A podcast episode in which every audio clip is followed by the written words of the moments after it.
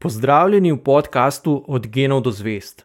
Moje ime je Sašo Dolenc in pripovedoval vam bom zanimive zgodbe iz sveta znanosti. 150-letnica odkritja periodnega sistema elementov. Ko se je mladi profesor kemije na Univerzi v St. Petersburgu Dimitrij Mendelejev odločil, da bo napisal nov učbenik kemije, sprva ni vedel, kako naj v knjigi smiselno uredi množico podatkov o kemijskih elementih.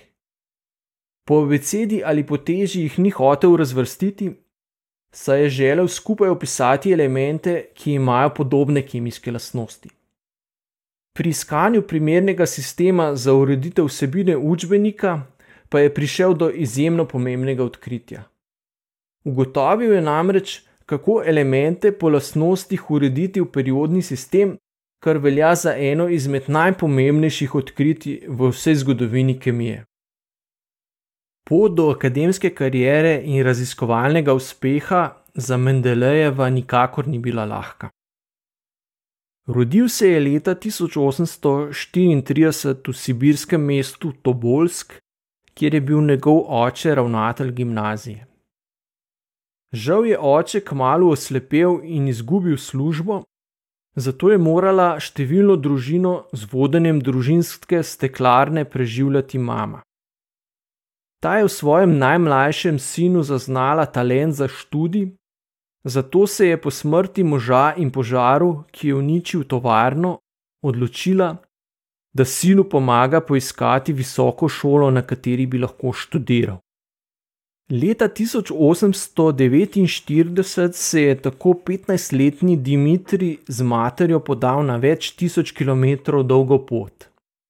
Iz sibirskega Tobolska sta najprej odpotovala v Moskvo, ker pa tam nista uspela dobiti nobenega študijskega mesta, sta odšla naprej v St. Petersburg. Na koncu se je Dimitriju uspelo upisati na šolo za učitelje, ki jo je obiskoval že njegov oče. Mati je žal le nekaj mesecev po koncu napornega potovanja umrla. Dimitrij je kasneje zapisal, da mati za njegov študij ni žrtvovala le vseh svojih prihrankov, ampak tudi svoje življenje. Na smrtni posteli mu je svetovala, naj se v življenju opre predvsem na trdo delo, kar je tudi storil. Ker je po diplomi zbolel za tuberkulozo, se je za nekaj let preselil na Krimski polotok, na to pa je odšel na strokovno izpopolnjevanje v Nemčijo. Kmalo zatem se je poročil, doktoriral, dobil mesto profesorja na Univerzi v St. Petersburgu in napisal učbenik za organsko kemijo, za katerega je dobil univerzitetno nagrado. V tistem času je bila večina znanstvenikov prepričanih, da ima vsak kemijski element svojo vrsto atoma, ki ima značilno težo. Merjenje, kako težki so atomi posameznega elementa, je bilo zato pomemben izziv za takratne raziskovalce. Vendar med kemiki ni bilo enotnega pristopa, ki bi določal, kako se izmeri atomska masa elementov, zato so se lahko meritve medsebojno tudi močno razlikovale. Da bi se poenotili, so se v začetku septembra leta 1860 kemiki zbrali na prvem velikem mednarodnem kongresu v nemškem mestu Karlsruhe, ki se ga je udeležil tudi Mendelejev. Posebej ga je navdušilo predavanje italijanskega kemika Stanislava Kanicara, ki je predlagal univerzalni način za določanje atomskih mas elementov.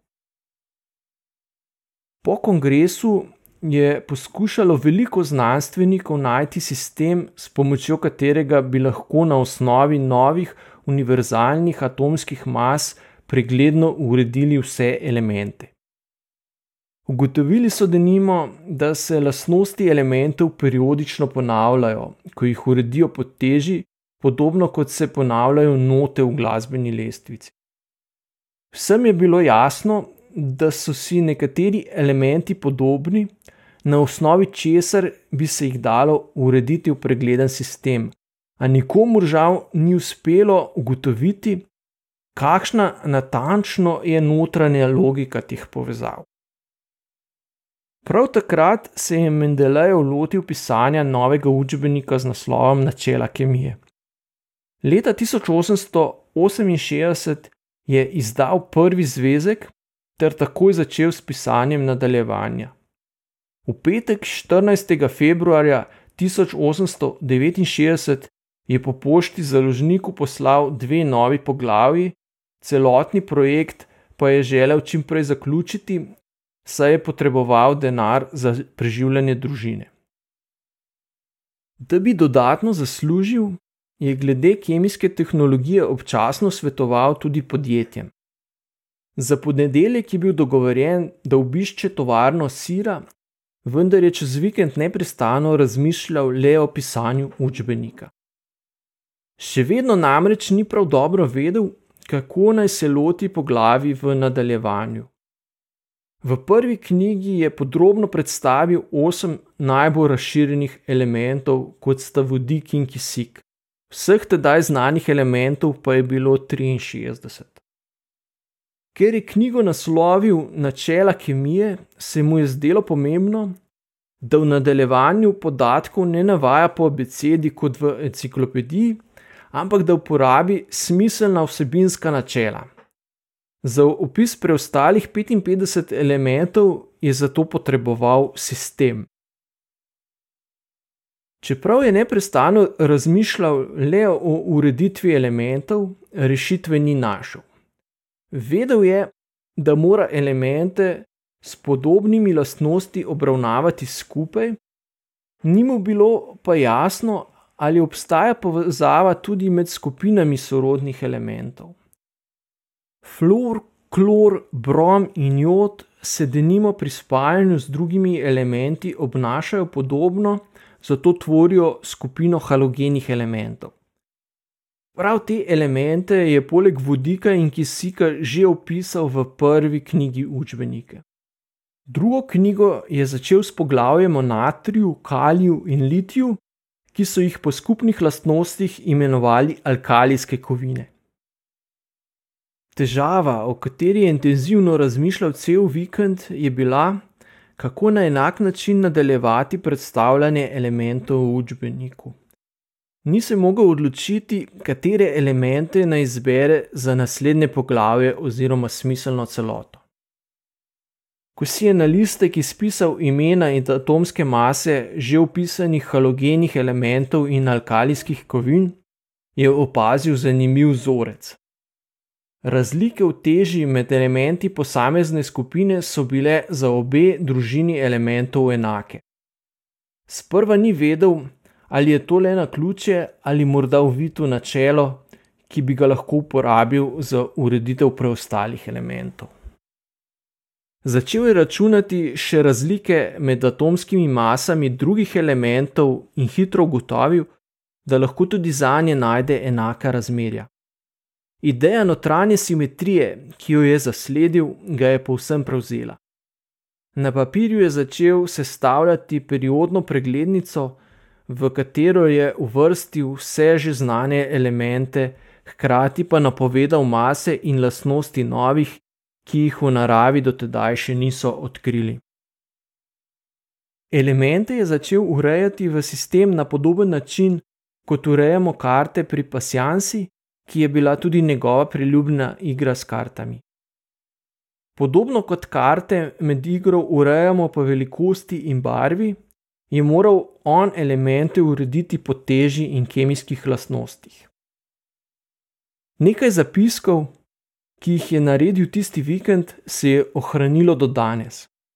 V njih lahko vidimo, kako je poskušal elemente na različne načine razporediti v stolpce in vrstice, pri čemer je imel težave, saj marsikaterega elementa periodnega sistema takrat še niso poznali. V tem primeru je pustil mesto še neznanega elementa prazno, podobno kot bi postopal v primeru, če bi igral pasjanso z nepopolnim snopom kart. Ideja periodnega sistema ga je tako prevzela, da tudi v ponedeljek, ko je Pom prišel kot čas sanmi, da bi ga odpeljal v tovarno sira, ni želel zapustiti delovne sobe. Še vedno se je trudil, da bi v sistem razporedil vse znane elemente.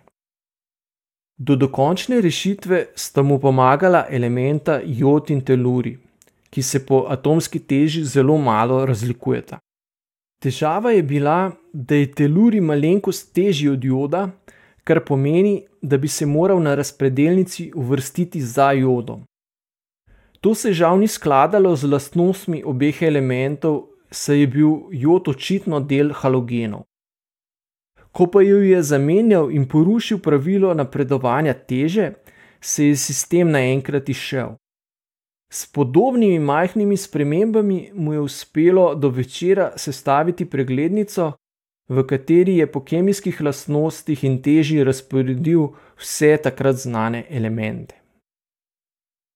Ko se je naslednje jutro končno odpravil v tovarno sira, je že vedel, da je prišel na sled enemu najpomembnejših odkritij v vsej zgodovini kemije. Kmalo zatem je osnutek periodnega sistema elementov po pošti poslal večini uglednih kemikov tistega časa. V razpredelnici je kasneje sicer popravil še nekaj napak, a temelj je bil postavljen. Razrešiti mu je uspelo eno izmed največjih težav takratne kemije. Leta 1871 je objavil še članek, v katerem je na osnovi periodnega sistema napovedal atomske teže in lastnosti treh dotedaj še neznanih elementov. Štiri leta kasneje je neki francoski kemik odkril kovino, ki je postala mehka, že če jo je segrel v dlani. Novi element je poimenoval Gali. Periodno tabelo bi se smiselno uvrstil pod aluminijem a njegova izmerjena teža ni bila ustrezna. Vendar je Mendelejev tako močno zaupal svojemu sistemu, da je francoza prepričal, naj še enkrat izvede meritve, saj se je verjetno zmotil. Ko je francoski kemik ponovil meritve, se je izkazalo, da je imel Mendelejev prav. Skoraj da čudežno je znal iz oddaljene Rusije bolj natančno predvideti lastnosti nove kovine kot znanstvenik, ki je imel novi element v roki. Sčasoma so odkrili vse tri napovedane nove elemente, zaradi česar je postal Mendelejev prava mednarodna znanstvena zvezda. Leta 1894 sta britanska znanstvenika William Ramsey in Lord Riley odkrila plin, plin argon, ki ga ni bilo mogoče umestiti v periodni sistem elementov. Zanj preprosto nikjer ni bilo primernega mesta. Ko je Mendelejev izvedel za odkritje, je sprva podvomil, da gre res za novi element, saj je bil ta inerten kar je pomenilo, da kemijsko ni bil reaktiven. Kmalo zatem je Ramsey izoliral še heli, ki so ga predtem s pomočjo spektroskopije zaznali že na Soncu. Zato dvomov, da je treba periodni sistem dopolniti, naenkrat ni bilo več. Ko so odkrili še neon, kripton in ksenon s podobnimi lastnostmi kot heli in argon, je postalo očitno, da na periodnem sistemu manjka cela skupina elementov, ki so jo poimenovali inertni plini. Tudi za nje so namreč veljala enaka pravila razmeri med atomskimi masami, kakršna je zaznal Mendelejev pri drugih skupinah elementov. Odkritje, za katero se je sprva zdelo, da ruši sistem, se je lepo umestilo v nov stolpec periodne preglednice in tako potrdilo, da periodni sistem temelji na dejanskih zakonitostih narave. Dimitrij Mendelejev se je leta 1876 zaljubil v slikarko Ano Ivanovo Popovo, zaradi katere se je ločil od prve žene. Ločitev je povzročila škandal, ki je preprečil, da bi ga kljub mednarodni slavi sprejeli v Rusko akademijo znanosti. Zaradi osebnih zamer pri nekaterih članih švedske akademije tudi nikoli ni dobil Nobelove nagrade za kemijo, čeprav bi si jo brez dvoma zaslužil. So pa po njem poimenovali sintetični radioaktivni element Mendelevium, ki so ga ustvarili leta 1955. Periodni sistem elementov, ki ga je Mendelejev odkril med pisanjem učbenika pred natanko 150 leti, velja ne le za temelj kemije, ampak tudi za eno izmed v splošni javnosti najbolj prepoznavnih podob iz sveta znanosti. To je bil podcast Od genov do zvest. Moje ime je Sašo Dolenc in z novo zgodbo se vam oglasim že k malu.